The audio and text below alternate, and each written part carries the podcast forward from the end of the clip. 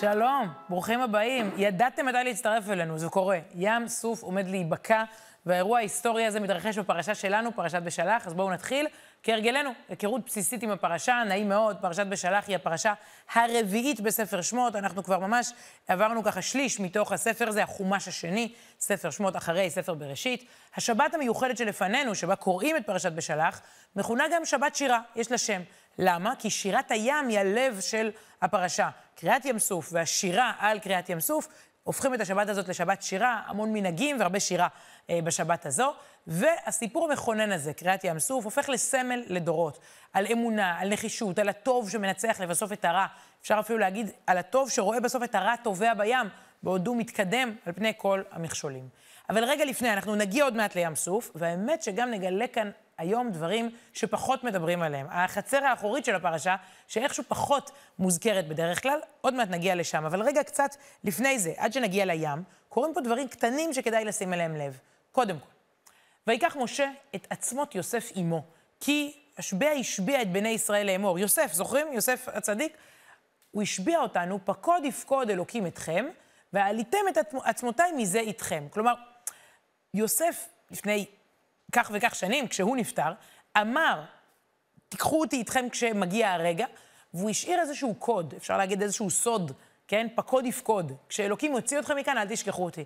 אני לא רוצה להפוך לאיזה פירמידה אה, במצרים, כן? אה, איזה קדוש שחונטים אותו. אני רוצה להיקבר בארץ ישראל, להיות חלק מיציאת מצרים, גם אם זה בארון שלי. ואכן זה כך קורה. לא שוכחים אותו בני ישראל, לא שוכחים את העבר. יציאת מצרים יוצאת לדרך על בסיס זה שסוחבים פה את סבא של סבא אה, כדי לקבור אותו בארץ, לבקשתו בצוואתו. עוד דבר קטן גדול שרואים בדרך, זה ההתנהגות של פרעה. שימו לב, כשאומרים לפרעה שהעם יוצא מצרים, מה זה אומרים? רק בשבוע שעבר הוא אישר להם לצאת, אבל כרגיל אצלו הוא מתחרט ושוכח. ויוגד למלך מצרים, כי ברח העם, ויהפך לבב פרעה. אנחנו כבר לא uh, מתרגשים מזה שהוא עוד פעם הופך את דעתו. לבבו מתהפך, ועבדיו אל העם, ויאמרו, מה זאת עשינו? כי שילחנו את ישראל מעובדנו, אוי ואבוי, כן? תמיד הם ככה במין אה, תנועה כזאת אה, של מה שנקרא רצו ושוב. הוא משחרר את העם ואז הוא מתחרט. הפעם זה לא יעזור לו, כי הפעם הוא באמת שחרר, אבל מה הוא עושה? ויאסור את רכבו ואת עמו לקח עמו. מה זה ויאסור את רכבו? הוא בעצמו, פרעה הוא מלך, אפשר רק לדמיין כמה דרגים של משרתים ושל עבדים יש מתחתיו. כמה אנשים יכולים לאסור את המרכבה הזו? מה זה אומר ומה זה משדר שפרעה בכבודו ובעצמו יוצא למשימה והוא מארגן לעצמו את האוטו? בלי איזה נהג, תחשבו על, אה, אני לא יודעת מה, אה, אני לא רוצה להשוות אף אחד לפרעה, אבל נשיא, רמטכ"ל, ראש ממשלה, מלכת אנגליה, אה, נשיא ארה"ב, שהוא מתדלק לעצמו ומהר מהר ככה מארגן את הרכב כדי לצאת לדרך, ומתניע, ועושה גם את הרוורס לחנוק, קדימה. זה לא עובד. למה? כי פרעה מוכיח לנו עד כמה, יש ביטוי כזה אצל חכמינו, אצל חז"ל, שנאה מקלקלת את השורה. כשאתה מחורפן מרוב שנאה, אתה מתנהג בצורה לא רציונלית. אפילו אתה כבר עושה את, את המלאכות שלא קשורות אליך, כי אתה כל כך, הוא כל כך להוט לרדוף אחרי עם ישראל, שהוא בעצמו מארגן לעצמו את, ה, את האוטו. דרך אגב, יש משפט הפוך אצל חכמינו, אהבה מקלקלת את השורה. כשיש אהבה, אז גם זה גורם לנו לעשות דברים שהם מה שנקרא לא, לא לפי הכללים, לא לפי הפרוטוקול. אז רגע, לקחנו את העצמות של יוסף, כי אנחנו חיים וזוכרים את העבר. ופרעה רודף אישית, אישית, משימה אישית, רודף אחרינו ומארגן את הרכב, וכל הצבא איתו לרדוף אחרינו. ורגע לפני מופיעה פה תלונה מטרידה. המורה שלי לספרות בתיכון הייתה קוראת לזה רמז מטרים. זוכרים את הביטוי? יש לכם איזה דז'ה וו? מה זה רמז מטרים? מה שנקרא אקדח שנמצא במערכה הראשונה, יירה במערכה השלישית. המשפט של התלונה שעכשיו אתם תראו, מבשר רעות. אנחנו אחרי עשר המכות, עם ישראל כבר כבר בקטע, הוא כבר איתנו, הוא כבר יוצא ממצרים. הם ראו ניסים, הם יודעים שהדרך היא החוצה לחירות, ובכל זאת, ויאמרו אל משה, המבלי אין קברים במצרים, לקחתנו למות במדבר? מה זאת עשית לנו להוציאנו ממצרים? המשפט הזה מטריד ביותר, כי בעצם, אגב, יש בו המון ציניות, מין איזה ציניות מושחזת כזאת, אפילו קצת פולנית כזאת. אין מספיק קברים במצרים שצריך למות במדבר? מה זה המשפט הזה? הם אפילו לא אומרים לו, אנחנו מפחדים. אנחנו יראים, אנחנו חוששים, אנחנו מתפללים, אנחנו מקווים. הם בחיצים של ציניות אומרים לו, אין מספיק קברים במצרים שצריך להיקבר במדבר? איזה מין משפט זה? כשאנחנו עומדים רגע לפני יציאת מצרים, זה, זה קורה. לפעמים אפשר להיות ברגע היסטורי ולבחור בציניות ולפספס את, ה, את הסיפור הגדול, סיפור יציאת מצרים, עד היום. אנחנו זוכרים את הצד הבהיר של הסיפור. אבל הנה, יש לנו פה כבר רמז, ובהמשך הפרשה, לצערנו, זה ילך ויגבר, שהפרשה הזו, אם בואו נגיד ככה, מתארת את המורכבות של האדם, על ההתלהבות שלו ממה שטוב, וגם על ההתלהבות שלו מקיטורים, מתלונות, ממרירות, מבחירה בנגטיביות, בפסימיזם. עוד מעט נראה שזה רק הולך וגובר. אבל בואו נמשיך עם העלילה המרכזית. רגע, הגענו לכאן כדי לחצות את ים סוף. עם ישראל עומד במציאות, ולא סתם אה, במקורות שלנו, בספרים, מדמים הרבה דברים לקריאת ים סוף. הוא עומד תקוע. וכולנו מרגישים לפעמים במיצר הזה, כן? במשהו שדוחק משני הצדדים, אוי לי מהאופציה הזאת ואוי לי מהצד הזה. מצד אחד פרעה, הם רואים את פרעה שועט, את, את האויב, את הרוע העולמי, את המשעבד שלהם, הם רואים אותו בראש חייליו עם הסוסים, עם המרכבות, והוא דוהר לקראתם. אבל מצד שני ים, ים, ים סוף. מה עושים? מפה ככה ומפה ככה, מה קורה? ויאמר השם אל משה, מה תצעק אליי? דבר אל בני ישראל וייסעו. תפסיקו רק לדבר, כנסו לים. יש פה שילוב, ואפשר להתעכב רק על הנושא הזה הרבה, כי כל קבוצה בעם ישראל אמרה לעשות משהו אחר. ובעצם זה מראה איך באמת יש מין מניפה כזאת של תגובות בזמן מצוקה. האם לעשות ככה, והאם כן להתייאש, לא להתייאש, רק להתפלל, רק לעשות. ואומר פה אלוקים, תפסיקו רק לצעוק אליי, כנסו לים. כלומר, מצד אחד בשם תפילה, יש בהם אמונה. מצד שני, כשהם עושים צעד ראשון של נחשון, אה, של איזה חלוץ, הים נבקע. ויבואו בני ישראל בתוך הים ביבשה, והמים להם חומה מימינם ומשמאלם. זה אפשרי לבקוע את הים, וזה סמל להרבה הרבה קריאות ים סוף, דברים שנראים לנו לא הגיוניים, ואם גם נאמין וגם נפעל, זה יכול לקרות. מי שלא מאמין, שיסתכל פשוט על ההיסטוריה של עם ישראל, אלפי שנים אחר כך וקדימה. דברים שהם לא רציונליים, אבל אה, ברוך השם, מתקיימים ומתקדמים. מה עושה העם? הוא יכול למחוא כפיים, הוא יכול אה, אה, ל, ל, ל, לעשות איזו סעודה טובה, ל, לאכול, אה, הוא יכול לבנות איזה מזבח, הוא יכול... בכל זאת, יצאתם ממצרים. כלומר, הם רואים את פרעה, רק תבינו את העושר. הם עברו את הים לצד השני, ופרעה וכל חילו טבע בים. זה נגמר. המשעבד שלך מת, ואתה חי. מצרים מאחוריך, ארץ ישראל לפניך. זה קורה. התגובה של העם, וזה דבר נפלא, שפרשנינו משבחים אותו מאוד, העם לוקח את כל האירועים האלה ושר אותם. לקחת את המציאות ולשיר אותה, דבר מאוד מאוד גדול. הרבה מאוד שירים, אולי קצת יותר בדורות קודמים, גם שירה עברית, שירה ישראלית, נכתבו על גיבורים היסטוריים, על זה שקמה פתח תקווה, על אליעזר בן יהודה. אנחנו לוקחים את המציאות היומיומית, הופכים אותה לשיר. אז ישיר משה, כך זה מתחיל. כלומר, הם רואים איזה נס, הם רואים איזה פלא, והם הופכים אותו לנצח לשירה. אז ישיר משה ובני ישראל את השירה הזאת להשם, ויאמרו לאמור, וכאן מתחילה שירת הים, היא מאוד מפורסמת. השיר על השם כי גאו גאה, סוס ורוכבו רמה בים, וכן הלאה וכן הלאה, פסוק אחרי פסוק שמתאר בלשון פיוטית, בלשון מליצית, בלשון מאוד יפה ומרגשת, את מה שקרה. העם בחר ב... לא סתם חיוביות, כן? זה אותם אנשים שקיטרו לפני רגע ואמרו, אה, יש מספיק קברים במצרים. אנחנו, הם עברו מקברים לשירים, עכשיו הם שרים. העם בחר בפרשנות מיטיבה, פרשנות מוזיקלית, וזה לנצח נחרט בזיכרון הקולקטיבי שלנו. שירת הים מופיעה בסידור כל בוקר, בסידור התפילה בתפילת שחרית, ובעוד הזדמנויות רבות חוזרים אל הרגעים האלה. נראה שני קטעים מאוד שונים, ממש מכל התפוצות והגלויות. הרי השירה הזאת הובילה אותנו אלפיים שנה, התפזרנו להרבה מקומות, אבל תמיד עם, ה, עם כוח הניגון והשירה ככה בפינו. אז טעימה אחת, אה, שירת הים, נוסח יהודי מרוקו, עיבוד מוזיקלי מקורי אה, שמוסיף לשירת הים הזאת, אמיר בניון. ומן הצד השני, יצחק נבון, שהיה נשיא, אה, זיכרונו לברכה, אחד הראיונות האחרונים שהוא נתן, משחזר את שירת הים של הרב יעקב משה חרל"פ מעדות אשכנז.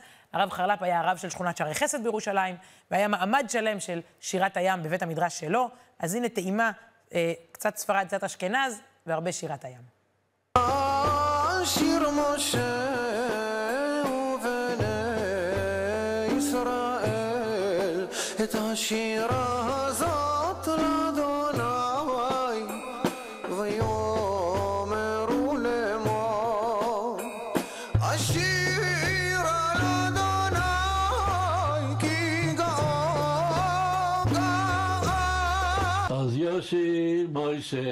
ובני ישראל את השיר הזאת לאדוני.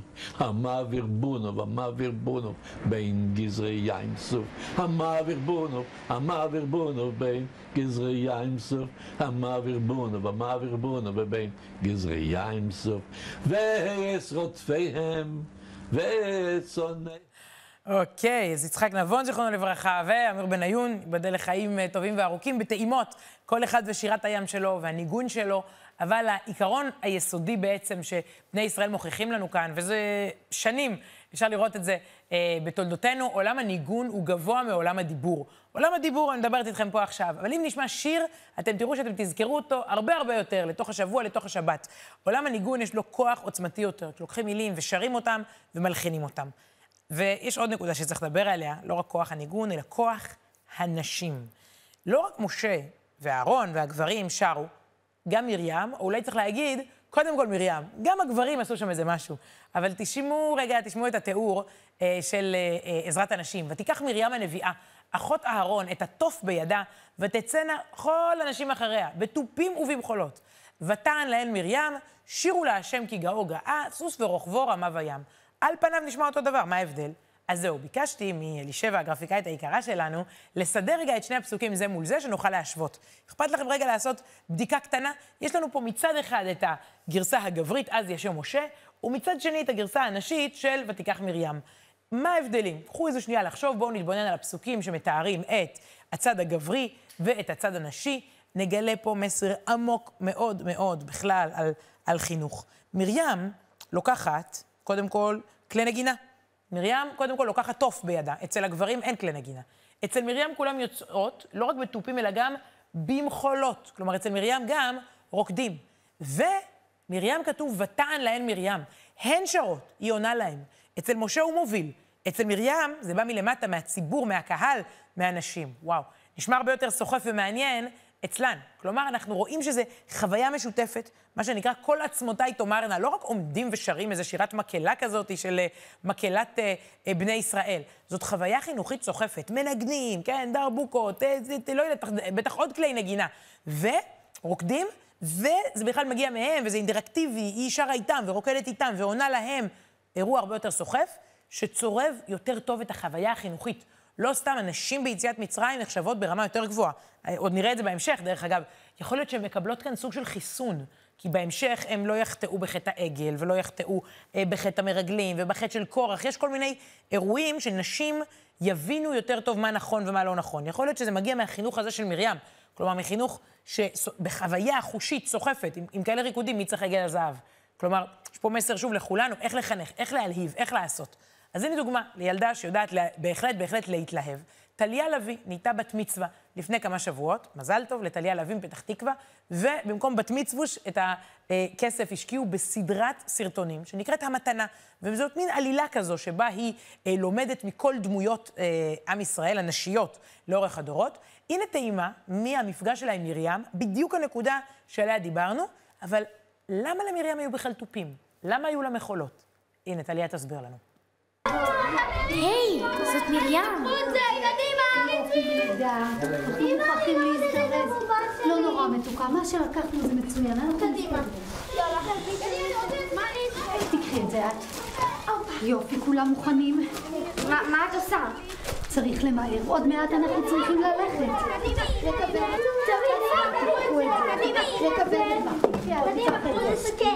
זה אתה תיקח, יופי, תשים את זה ככה, יופי. מה שכחנו? זה לא קרה. חייבים להזדרז. שמישהו ייקח. לא משנה, מה שמצאנו זה טוב, אל תדאגו, אנחנו... למה את צריכה את זה? זה סתם כבד. אני מאמינה שנצטרך להודות לקדוש ברוך הוא על כל הטובה שהוא עושה עמנו. הקדוש ברוך הוא רוצה בטובתנו ואני מאמינה בו בכל לב. וכאשר זה יקרה, נצטרך לומר תודה, וכיצד אומרים תודה אם לא בריקודים ושירים? בואי, את רוצה להצטרף אלינו? אם כן, עלייך להזדרז. בואו, אנחנו חייבים למהר, צריכים ללכת. וואו, איזה כוח של אמונה יש למרים. למרות שהמצב כזה מורכב, היא בטוחה שיהיה טוב כל הזמן. הלוואי ואני הייתי יכולה להיות כזאת. למשל, אם הייתי יכולה להאמין שבהצגה של סוף שנה אני אקבל את התפקיד שהכי טוב בשבילי, ואדע להגיד על זה תודה, ולדעת להגיד תודה על כל מה שאני מקבלת, ולהאמין שהכל יהיה טוב. זה ממש משחרר מדאגות. אבל למה לך לדאוג? זה יהפוך את השיער שלך ללבן ויעשה לך קמטים כאלה במצח ובצידי העיניים. לא בריא לדאוג. אבל זה קשה לי לדאוג ורק להאמין כל הזמן. ועוד לחשוב על השירה והריקודים של ההודיה? זה כמו לתכנן מסיבה עוד לפני שקרה משהו. למה לא? כל הכיף זה לארגן מסיבות, לא? אה... כן, נכון.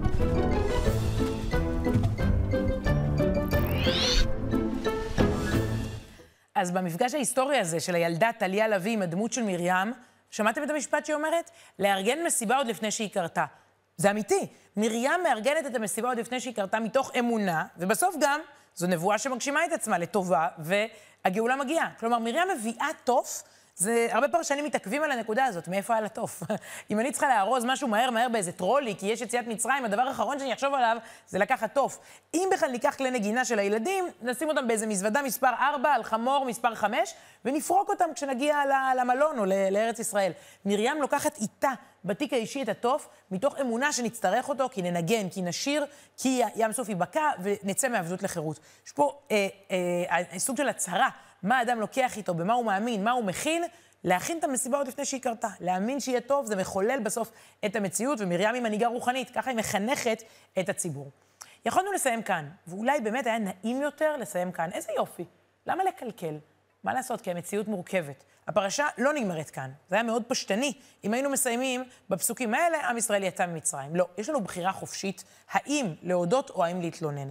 וכאן הפרשה לוקחת אותנו לסיפור חדש, של פרשנות אחרת לכל האירועים, ולבחירה אחרת שהעם בוחר בה. אחרי שהעם בחר לשיר, שיבחנו מאוד את ההחלטה הזאת, נכון? גם של הגברים וגם של הנשים. החלטה סוחפת להפוך את העובדות היבשות לשירה. וטוב, עובדות יבשות, בקריאת ים סוף הן היו יותר אה, רטובות, אבל לא משנה. יש פה בעצם אה, סוג של אה, אה, שמחה מוזיקלית, אה, תפילה, לדורות, זה נכנס לסידור. אוקיי, מה קורה פסוק אחד אחר כך? שניים, שלושה פסוקים אחר כך. אה, אותו עם, אותם תנאים, אותו מדבר, אותו משה רבנו, ומוזיקה אחרת לגמרי. ויאמרו אליהם בני ישראל, מי ייתן מותנו ביד השם בארץ מצרים, בשבתנו על סיר הבשר, באוכלנו לחם לשובע, כי הוצאתם אותנו אל המדבר הזה להמית את כל הקהל הזה ברעב. על זה נאמר fake news. הרי שיעבדו אתכם באכזריות בפרך, נתנו לכם לבנות פירמידות. מי הוציא אתכם ממצרים כדי להמית אתכם? הרגע שרתם את שירת הים, אז מה, מה קרה לכם? ואז מגיע מן מן השמיים, הקדוש ברוך הוא 40 שנה מספק להם אוכל שמימי, כי הם רעבים, כי הם צמאים, בבקשה. ובני ישראל אכלו את המן 40 שנה, עד בואם אל ארץ נושבת. את המן אכלו עד בואם אל קצה ארץ כנען. דרך אגב, בשבת הקרובה, שתי חלות על השולחן. למה? כי בשבת היו מקבלים שתי מנות של מן, כדי שבשבת הם לא ילכו החוצה לחפש אוכל, אנחנו כבר מרגילים אותם כבר במדבר לזה שבשבת לא רודפים אחרי הפרנסה, אז יש ברכה, ושתי אכלות על השולחן בשבת עד היום, סמל לאותו מנה כפולה שקיבלנו במדבר ביום שישי. ראו כי השם נתן לכם השבת, על כן הוא נותן לכם ביום השישי לחם יומיים. שבו איש תחתיו, אל יצא איש ממקומו ביום השבת. לומדים לנוח, מיד עם יציאת מצרים. זה עוזר? כן. וישבתו העם ביום השביעי. ואז מגיעה עוד תחנה. מקום שיש לו את השם הנפלא, מסע ומריבה. אתם כבר יכולים לנחש מה קרה שם. בכל זאת זה קשה לקרוא, רגע, זה, זה אותם אנשים, תקשיבו. ויצמא שם העם למים. וילן העם ומתלונן על משה ויאמר, למה זה העליתנו ממצרים להמית אותי ואת בניי ואת מקני בצמא? איזה קונספירציה. משה רבנו אה, הוציא אתכם בשביל להרוג אתכם? ויצעק משה אל השם לאמור, מה אעשה לעם הזה? עוד מעט הושכלוני. השם ישמור, הוא מפחד שהעם יסקול אותו באבנים. מה קורה פה? אנחנו מגיעים מרגעים כאלה של פסגה לכאלה רגעים של שפל ותהום עם אותם אנשים בימים ספורים אחר כך. ההמשך בעצם נותן לנו איזה closure לכל מה שקרה, כל התלונות האלה שהשתלטו לנו על סדר היום. אם אנחנו בוחרים בתלונות, בספקות בצדקת הדרך. העם שואל, היש השם בקרבנו אם אין? יש אחד הפסוק, לא הבאתי לכם את כל התלונות, אבל בכלל יש אלוקים. העם אומר, נחזור למצרים, היינו מתים, שם היינו חיים, ופה אנחנו מתים, ואנחנו צמאים, ואנחנו רעבים, ומי זה בכלל משה רבנו? ומשה אומר לאלוקים שהם יהרגו אותו. יש תוצאה אחת שקורית. ויבוא עמלק, ויילחם עם ישראל ברפידים. מלחמת עמלק מתחילה שם, המלחמה עם עמלק. אם אנחנו, אין לנו סולידריות, ואנחנו חסרי אמון, ואנחנו רק מתלוננים ורבים עם עצמנו ועם ההנהגה ואחד עם השני ועם אלוקים, עמלק מגיע. זה מסר חשוב עד היום, כי בעצם חוסן לאומי, ביטחון עצמי, סולידריות חברתית, זה ערובה גם לביט... האויבים מגיעים כשאנחנו מפולגים. מכירים את נאום uh, קורי העכביש של נסראללה. העם פה מלא בקורי עכביש, אז עמלק מגיע. ולכן אנחנו מתחילים תהליך ארוך. זה לא יהיה כל כך קצר. הוצאנו את העם ממצרים, אבל להוציא את מצרים מהעם ייקח עוד זמן. הם עוד לא בשלים להיכנס לארץ, ואנחנו נראה בשבועות הקרובים איך לקום מתוך הנפילות, איך להשתפר, ו-40 שנה הם הולכים לעבור סדנה חינוכית כדי לזכות למה שגם אנחנו זוכים בדור שלנו, אה, לחיות כאן. מה אנחנו בסוף נזכור מהפרשה? לקחתי אתכם עכשיו, אמרתי, מאחורי הקלעים. בסוף את שירת הים כל בוקר מנציחים בסידור. בסוף אנחנו לא מנציחים את פסוקי התלונה, אלא את פסוקי השירה וההודיה. זה, אנחנו מכוונים את אלומת האור, את הפרוז'קטור, לשם. הפסוקים האלה וכל יציאת מצרים מופיעים במזוזה, מופיעים בסידור התפילה, מופיעים אפילו בתפילין. אה, ראיתי איזה מהלך כזה ש, שמישהו כותב, תדמיינו תמונה של יציאת מצרים, אז הנה בואו נעשה את זה. קחו תמונה של קריעת ים סוף, משה מרים את ידיו, הים נקרע, ואת כל הסיפור הזה אנחנו לוקחים ל... בואו נראה את התמונה הבאה. אל התפילין, לתוך הקוביות האלה. לוקחים את החוויה הגדולה לתוך התפילין, לתוך ליל הסדר, המזוזה ועוד הרבה, בברכת המזון, בלי סוף אזכורים לאירוע הגדול שקרה השבוע. אז דיברנו על מה שבאמת חשוב, קריעת ים סוף.